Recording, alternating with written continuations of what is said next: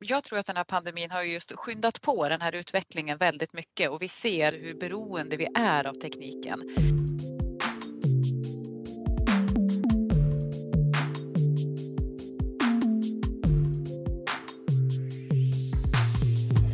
Hej och välkommen till det 47 avsnittet av FoU-podden.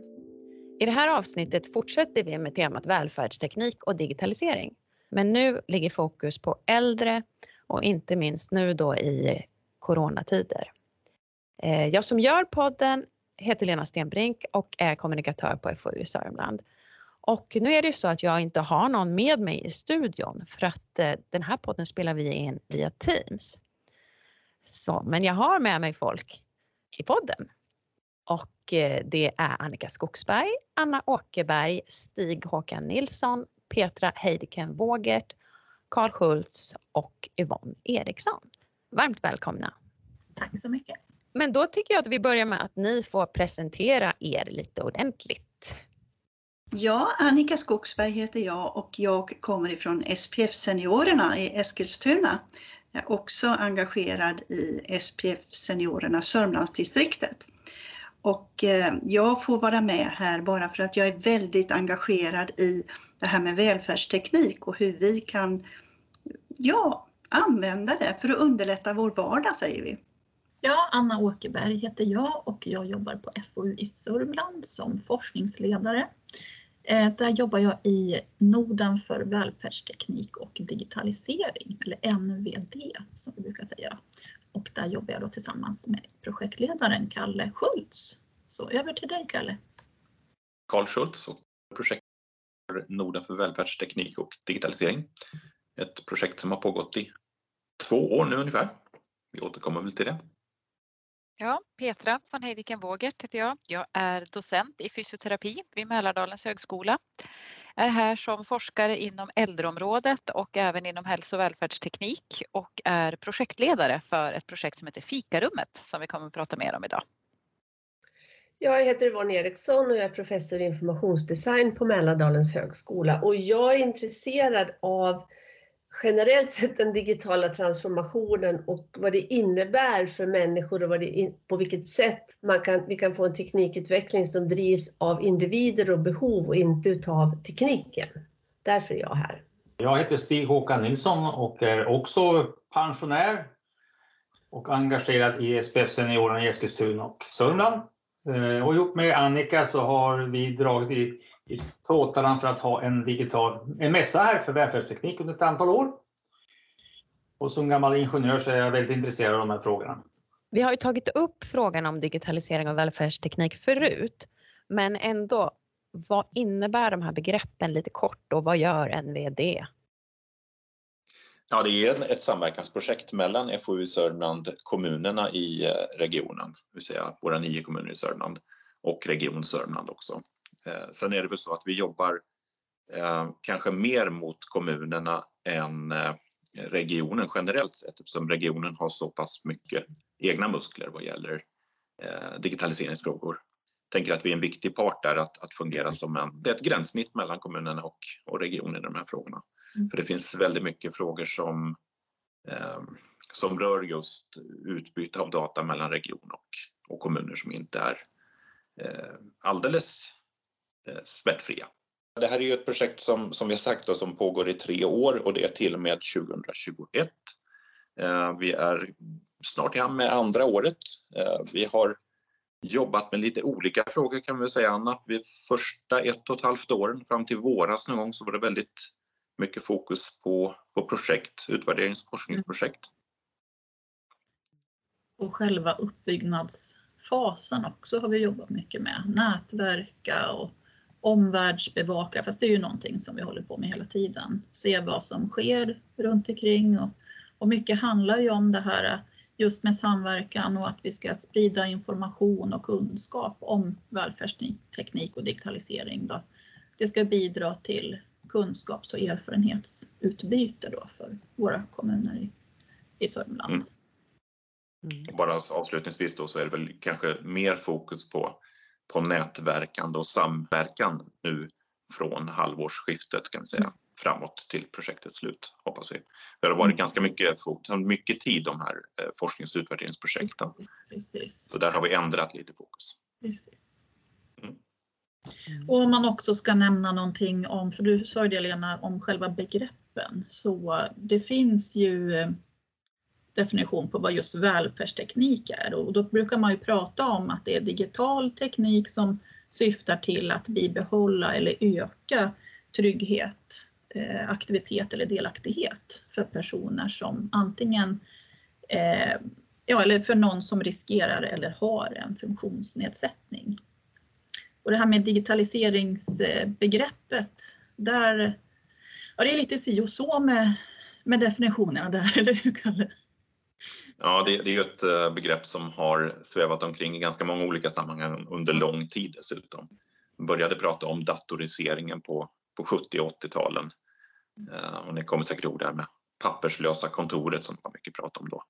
Där är vi inte riktigt än, men, men vi kanske går ditåt nu ändå, mm. åt det hållet. Och nu pratar vi om, som eh, Yvonne nämnde, den digitala transformationen och då är det kanske mindre fokus just på teknik och mer på eh, hur vi ska jobba med stöd av digital teknik för att fylla de behov som vi som användare.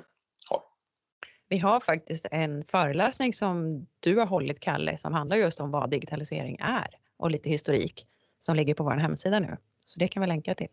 Eh, vi lever ju mitt i en pandemi just nu och då blir digitaliseringen extra viktig. Och eh, hur har det här påverkat de äldre? Ja, jag kan säga att eh, för vår del, jag tillhör ju den här målgruppen som ska hålla sig isolerad.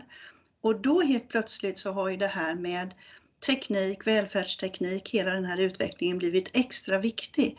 För att saker och ting måste skötas på distans. Och det är allt ifrån det här med att jag ska kunna få information eller handla eller ja, fixa min medicin, allt sånt där. Men också när man har varit så här isolerad från sina ja, vänner, familj och sånt, att man kan hålla kontakt. Så att eh, för vår del, jag pratar för mina jämnåriga, så har det här betytt otroligt mycket att det finns den här möjligheten. Vi gamlingar är ju lite rädda för nya saker. Och kanske speciellt digitala saker. Att, eh, vi är inte vana med datorer av tradition som barn idag är. Men här får vi då högst också en motivation till att försöka lära oss nya saker för att komma över de begränsningar som vi ändå lever med. Bara en sån enkel sak som att använda Skype eller WhatsApp eller liknande kommunikationsprogram för att kunna titta på våra barnbarn. Det är en helt ny värld som öppnar sig. Det, du tar upp, både Stig och Annika, blir ju intressant. Men samtidigt så tycker jag att det här man pratar om äldre är ju också lite problematiskt. För vad är äldre? Det finns ju liksom ingen definition på vad äldre är. Man pratar oftast äldre efter 65.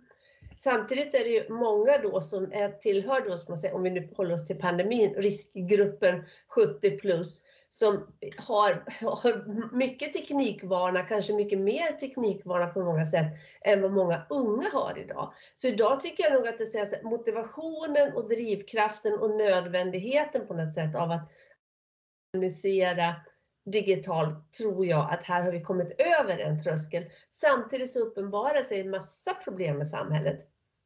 Delar som har dålig täckning, det är svårt att koppla upp sig och där spelar det ingen roll om man är 19, 25 eller 75 om, om man bor i ett område där det inte finns så goda eh, upp, uppkopplingsmöjligheter. Så att jag ser att här finns, tycker jag, en, en möjlighet att börja problematisera det här med åldersindelningen och teknik. Även om vi pratar om välfärdsteknik och äldre idag så vill jag lyfta den.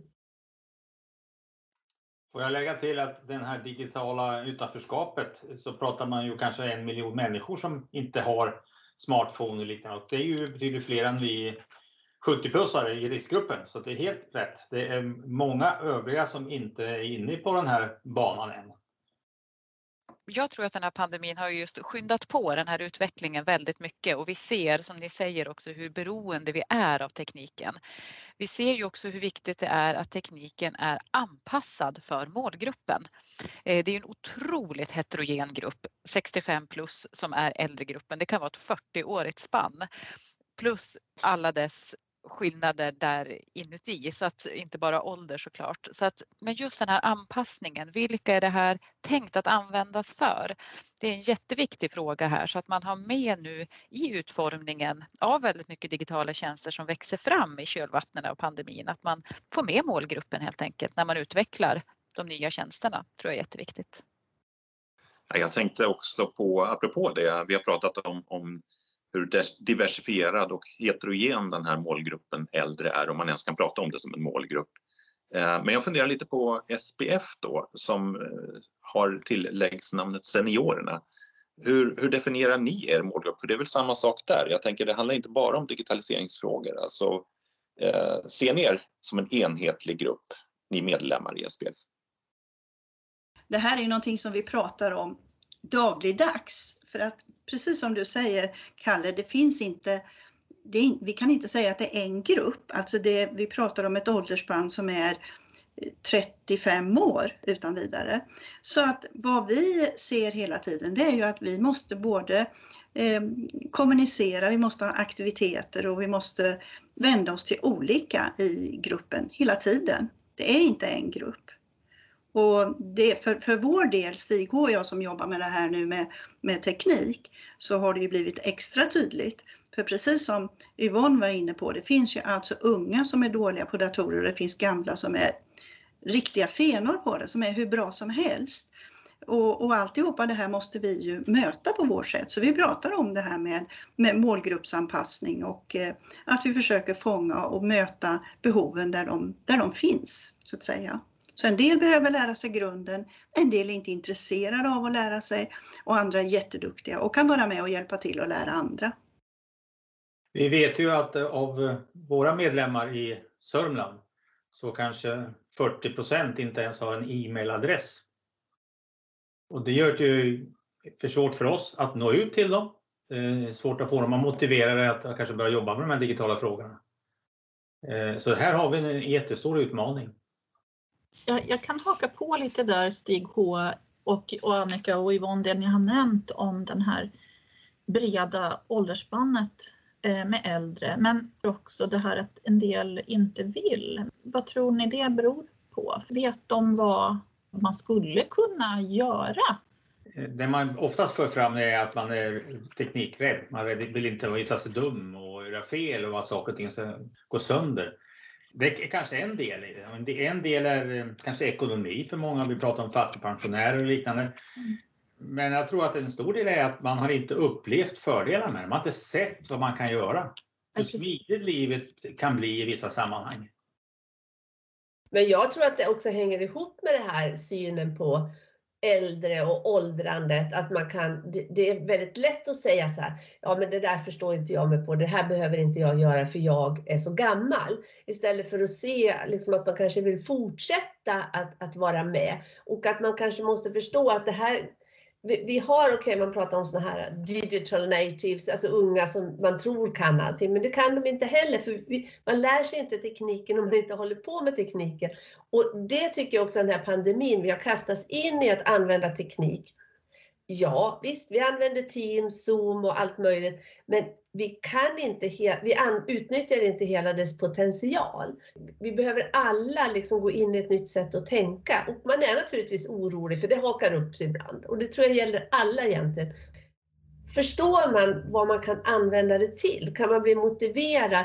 Och om man också kommer bort ifrån det här att det är inte svårare för att man är äldre. Det kanske tar lite längre tid, men det är inte heller säkert. Och då tror jag att det är viktigt också med rollmodeller, tänker jag, att äldre får visa äldre. Att det är en jämlik som också visar hur det är möjligt. Kan han eller hon så kan jag också. Att få den känslan så att det kommer närmare en själv och också att man som sagt ser nyttan utav det. Det, det jag tänker att det vi inte pratar, vi pratar väldigt mycket om alla funktioner som finns och eh, man utnyttjar inte alltihopa. Men det som kommer på posten på detta är ju sen när vi har lärt oss det här, då är det tillförlitligheten och tillgängligheten av dessa tjänster. Och den diskussionen eh, för vi ju inte just nu, inte speciellt brett. Va?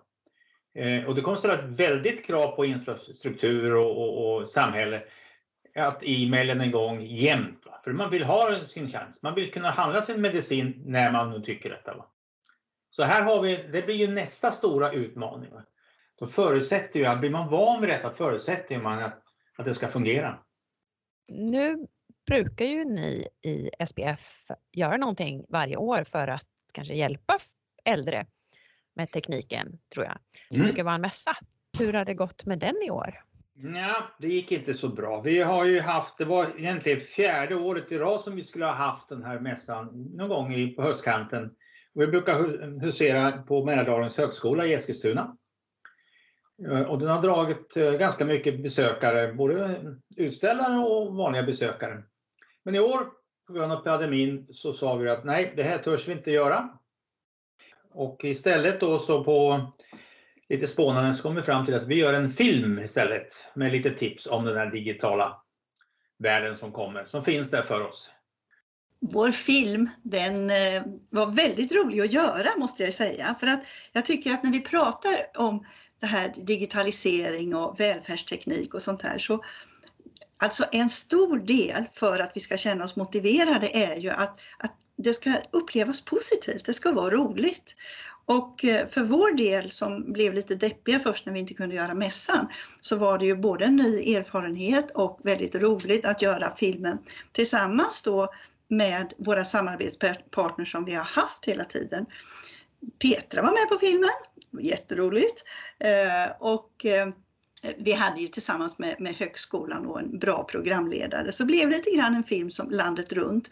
Och den här den har en bra spridning nu. Det är många som tittar på den och vi gjorde det ju både som en, en sammanhängande film där man får en bra information tycker vi. Och sen är det ju de olika små snuttarna som är inspelade och som kanske påminner lite grann som det du säger Yvonne, ska vi ha äldre som visar att de inte kan någonting.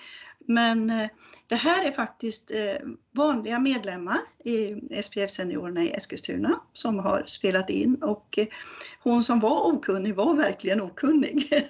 Så att det kändes jättekul. Och som sagt den här far runt nu och ligger ju ute på olika hemsidor och får en bra spridning, hoppas vi. Och den heter Välfärdsteknik i virustider.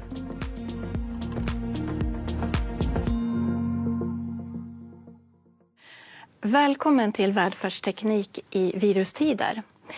I det här programmet har vi tänkt att vi ska ge dig tips och råd och kunskap om olika tekniska digitala produkter som kan vara till hjälp i vardagen och speciellt för dig som Eh, Den här filmen har ju kvaliteter som kanske inte mässan har normalt sett utan på mässan så blir det ju ganska stort teknikfokus av naturliga skäl eftersom det är mycket produkter som ställs ut, även om vi har föreläsningar som kompletterar det.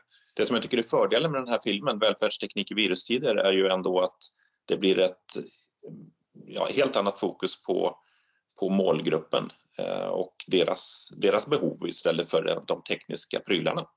Det finns ju också någonting som heter fikarummet med ett litet snabel mitt i. Kan kanske Petra berätta lite om det? Ja, jo det här är ett projekt som har pågått väldigt många år faktiskt. Eh, och vi var i ett läge i vintras när vi skulle börja bygga den här appen. Eh, det är alltså ett eh, digitalt fikarum där äldre kan umgås och träffas och prata. Och målet är att minska ensamhet och social isolering och öka då social samvaro hos äldre.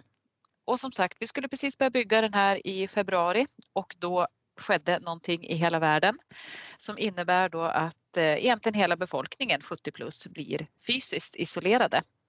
Så att vi har ju fått en jätteskjuts av coronapandemin, så är det ju bara, och ett jättestort behov av det här. Så att vi håller på just nu och testar fikarummet ute bland 30 äldre personer som eh, ja, testar och utvärderar och ger oss feedback och kommentarer så att vi kan jobba vidare. Och eh, vi har också fått vidare finansiering att bygga ut den ännu mer nu för att testa i ett, en större grupp, förmodligen uppåt 100-150 personer här i vår i Västerås och Eskilstuna. Och hur fungerar den? Ja, den fungerar så att man loggar in och sen så kommer man då till det här digitala fikarummet där det är fikabord eh, så man kan sitta fyra personer runt varje bord. Och då den som skapar samtalet, öppnar bordet, den bestämmer om det ska vara video eller om det enbart ska vara röstsamtal eller om det ska vara ett chattsamtal. Vi har sett att det inte är så jättepopulärt med chattsamtal för det blir ju också lite bökigt kanske att skriva. Nu håller vi på med, vi har lånat ut oss surfplattor den här omgången och det kan vara lite bökigt att skriva men eh, videosamtal och röstsamtal har varit väldigt populära. Så att fyra personer som sagt träffas och samtalar om allt möjligt. Vad är åldersgruppen och vad har de för tidigare erfarenhet av mer pekskärmar eller vad vi ska kalla det för, smartphones och iPad och så vidare? Målgruppen för fikarummet är äldre personer, precis som vi var inne på innan. Det är en jättestor grupp och en heterogen grupp, men vi har 65 plus och att man ska ha någon erfarenhet av ensamhet och eller social isolering. Sen har vi en grupp just nu bland de 30 som är väldigt intresserade av teknisk utveckling och kanske inte är så jätteensamma egentligen, men man har någon erfarenhet med sig och det är ju jätteviktigt i den här fasen att också få feedback på den tekniska utvecklingen och så. Men sen i vår då när vi ska göra det här i kommunerna, då vill vi ju komma närmare målgruppen som har större behov. Som är mer ensamma, som är mer isolerade och ja, men det svåra i det här projektet är ju att nå de som behöver det som mest. Jätteintressant eh, om det här med fikarummet, men jag undrar lite, för du sa att de äldre gärna har eh, Ja, alltså jag tänker vad, vad de äldre själva tycker om på vilket sätt de vill mötas. Eller vad de vill mötas om eller?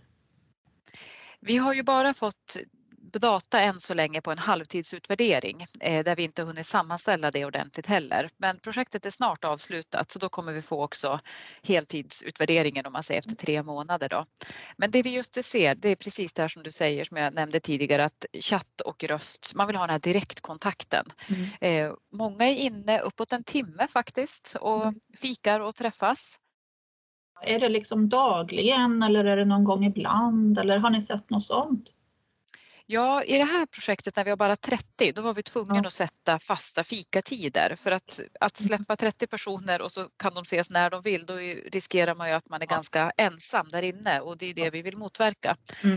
Så att vi har haft tre fasta fikatider i veckan, måndag, mm. onsdag, fredag. Men när vi får en större grupp i vår nu då, då kan man ju mer släppa det fritt och att man kan mm. gå in utifrån behov, se om någon är inne. Mm. Man kan också se vilka som sitter vid de här borden, om det, för det har de också sagt att träffas man återkommande, då ja. får man ju ett djup, då får man djupare samtal och ja, kan prata om andra saker. jag är ändå lite ute efter vilka behov de här äldre har av att liksom, på vilket sätt de vill umgås. Liksom. Men, men det låter som att ni ni får, får input på det.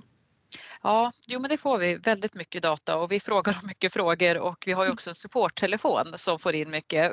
Yvonne, du frågade också om det här med hur vana de är med tekniken och de som är inne nu är ju väldigt vana faktiskt. Det ser vi ju. Men samtidigt, det är alltid det här med tydliga instruktioner och hela det paketet. Det är mm. en konst att skriva instruktioner och att följa dem och alla eventualiteter. Men mm. det vi har sett är att det mest faktiskt handlar om den här plattan, surfplattan. Att många var ovana vid ett sådant format.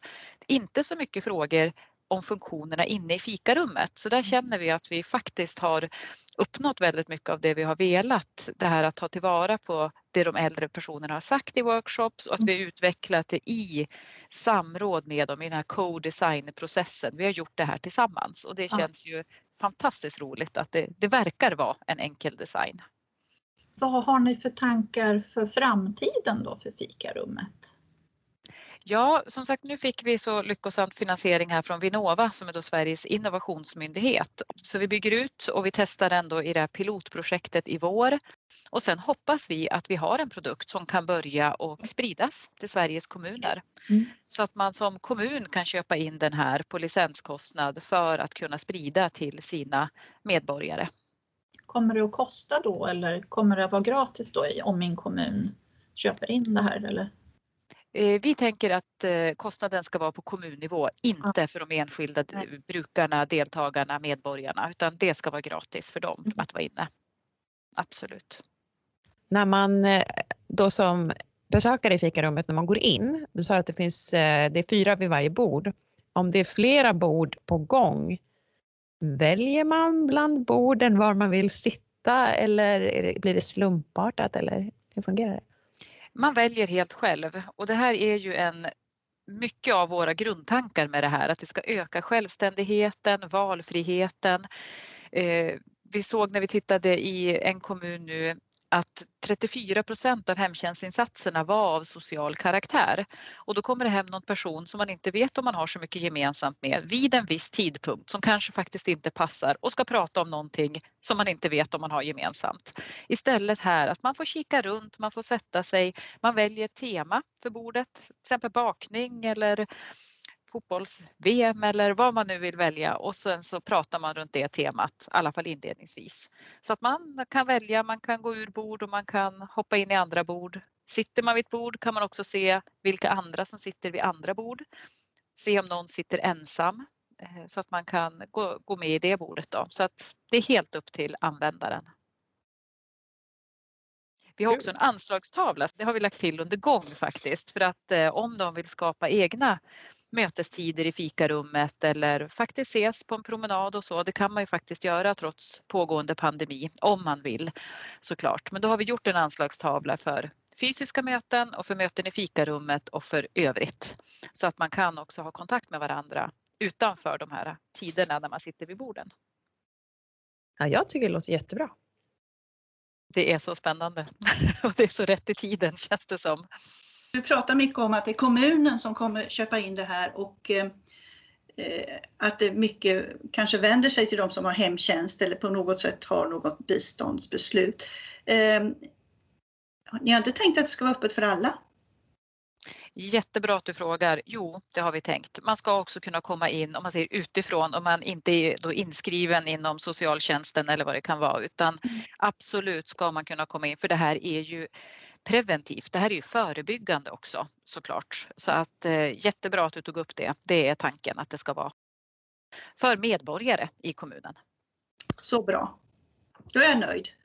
Härligt. Vi har ju börjat ha tagit upp frågan med kommun eh, om ett seniorsupport just för att hjälpa, hjälpa eh, oss gamlingar.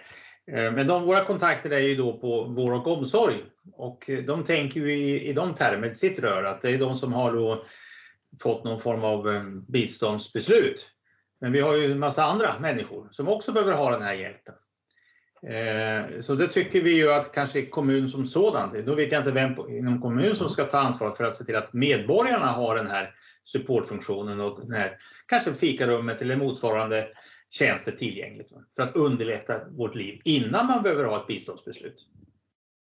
Det tror jag är en jätteviktig aspekt och här ploppar det upp också sådana supporter. På, biblioteket har kört lite sådana tjänster och jag vet att ni har pratat om det inom eh, olika pensionärsföreningar faktiskt om man ska starta sådana och mötesplatser med kaféer och så där man kan, ja om inte annat kanske digitalt då, ses och utbyta erfarenheter. För det är ju det här hur man kommer igång med Swish och BankID och allt vad det kan vara.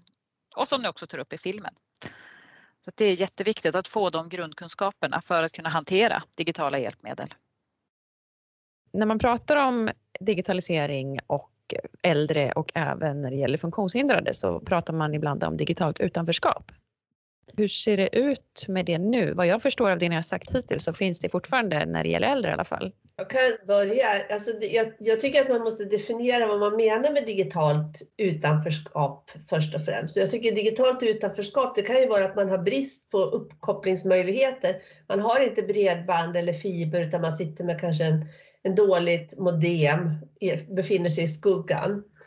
Eh, man kan också ha brist på modern teknik. Man har inte råd att skaffa den eller man vet inte riktigt var det finns. Alltså man har helt enkelt inte tillgång till den. Men det kan ju också vara brist på kompetens. Man kanske har en otroligt bra utrustning men man vet inte hur man ska använda den.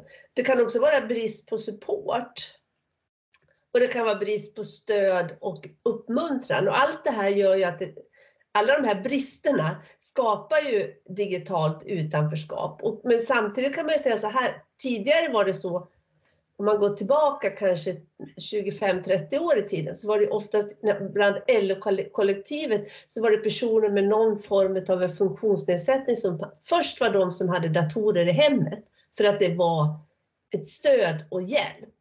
Idag är ju det digitala utanförskapet, jag kan säga att många personer med funktionsnedsättning kommer ju in i samhället genom att de, de har tillgång till digitala hjälpmedel. Så att det, det, det, det liksom, å ena sidan så skapar det möjlighet för inkludering, å andra sidan kan det också skapa möjlighet, eller risker för exkludering. Och det är inte säkert att de grupper som man tidigare har varit exkluderade är exkluderade idag, utan det är andra gränser som går mellan, som skapar det här digitala utanförskapet. Förr var det ju väldigt populärt, om man går tillbaka tio år, att, att inom företag så hade man de här hemdatorerna. Väldigt förmånligt att, att få en sån.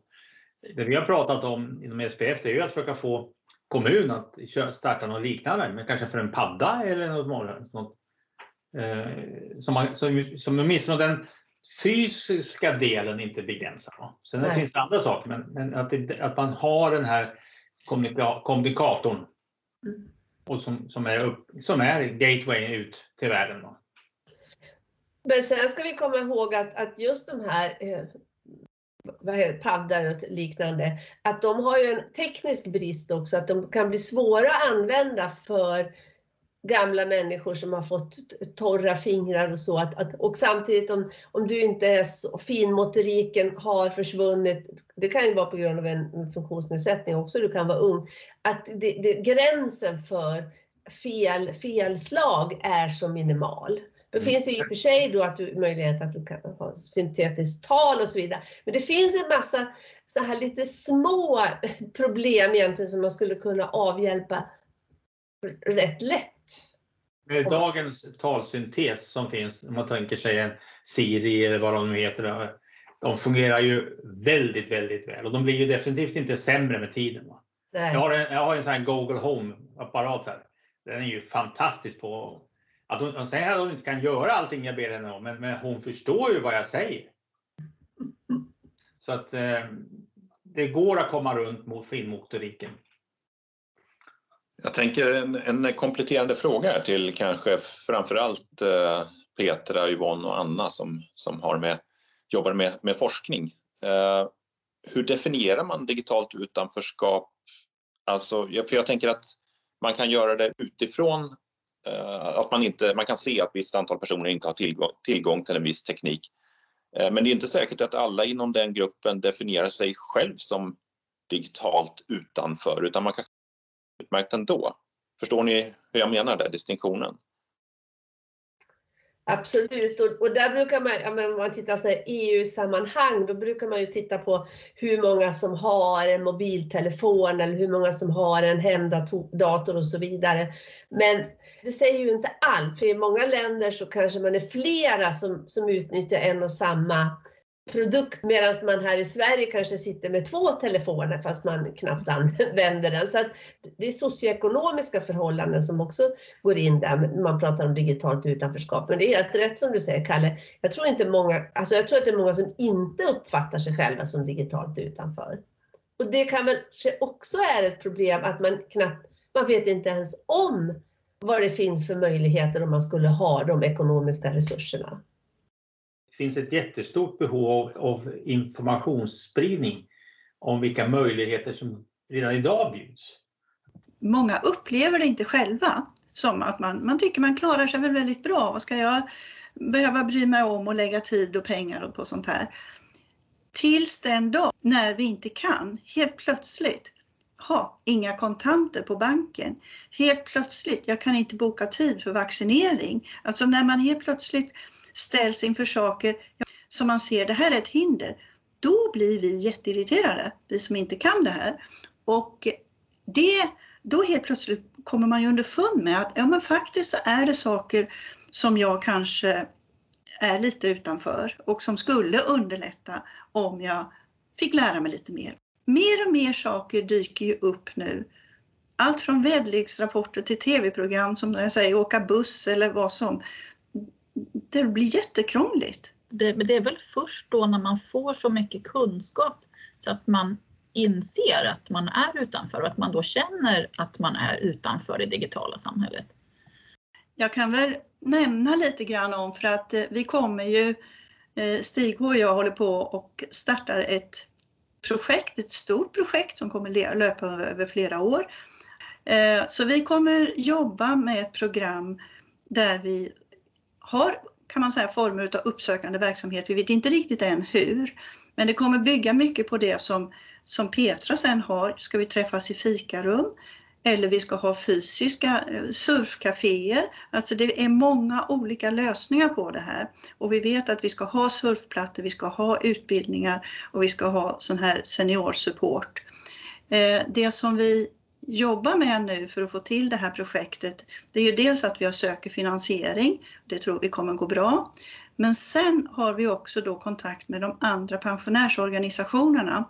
För det är ju inte bara vi, utan vi vill ju jobba brett och det vill de som vi har som samarbetspartners är ju också intresserade av att inte bara nå SPF-seniorer för att Stig och jag håller på, utan vi vill nå alla och då har vi kontakter nu i hela Sörmland där vi håller på. Hur kan vi jobba tillsammans med de andra fackföreningarna och kommunerna i, i länet för att och hitta olika sätt att komma åt det här. Så det tycker vi är roligt. Bankerna har vi med på det här också för de ser ju också det här med att de behöver bank-id och det är bra om, om vi kan använda Swish och sådana saker. Och inte bli lurade. Vad spännande att höra. Här kan vi verkligen få till mycket samverkan också. Och det här, jag tänker också på Eskilstuna kommun som är modellkommun också för välfärdsteknik nu, där det händer otroligt mycket. Det är ju ja, väldigt glädjande att höra. Vi har ett gott exempel i Gnesta som har fått då pengar för att starta utbildning eh, generellt över pensionärer och så. Och jag tror att de hade 130 som ville komma och lära sig olika saker med telefoner, datorer, paddor och liknande. Men det är tyvärr nu parkerat på grund av corona. Jag tänkte att det börjar bli dags att avsluta, men eh, skulle vilja fråga om ni har några tips till eh, äldre och andra som är intresserade av att veta mer om de här frågorna som vi har diskuterat. Titta på vår film. Ja, vi lägger en länk till den. Och ta till er den. Eller titta på Seniorsurfarna. De finns ju på SVT Play eller Youtube. Det finns många små guldkorn. Man kan få ett gott skratt. Men så får man reda på hur enkelt det är att, att komma igång. Och prova. Ja precis, man ska inte vara rädd för att prova. Och kanske inte vara rädd för att be om hjälp heller. Jag tänker om man är äldre, att man, om man känner att man behöver hjälp nu i pandemitider, att man kan kontakta sin kommun om det är något speciellt man behöver ha hjälp med. Sen finns det ju mycket frivilliga organisationer som man kan få hjälp av också. Och det finns ju enkla mjukvaror som man kan fjärrstyra datorer med. Så man måste ju inte ha supporten komma hem. Ja, men vi gör så här att vi lägger länkar till allting som vi kan komma på nu i efterhand som kan vara bra att dela som information lägger vi i poddtexten. Och sen så får jag tacka er som har varit med så jättemycket för att ni ville vara med. Tack så mycket. Tack, Tack, Tack så jättemycket. Härliga samtal. Och till dig som har lyssnat så vill jag säga tack så jättemycket för att du har lyssnat och be om ursäkt får jag väl göra ytterligare en gång för att ljudet är inte så bra. Men jag hoppas ändå att du vill vara med oss och lyssna även nästa gång. Tack så mycket. Hej då!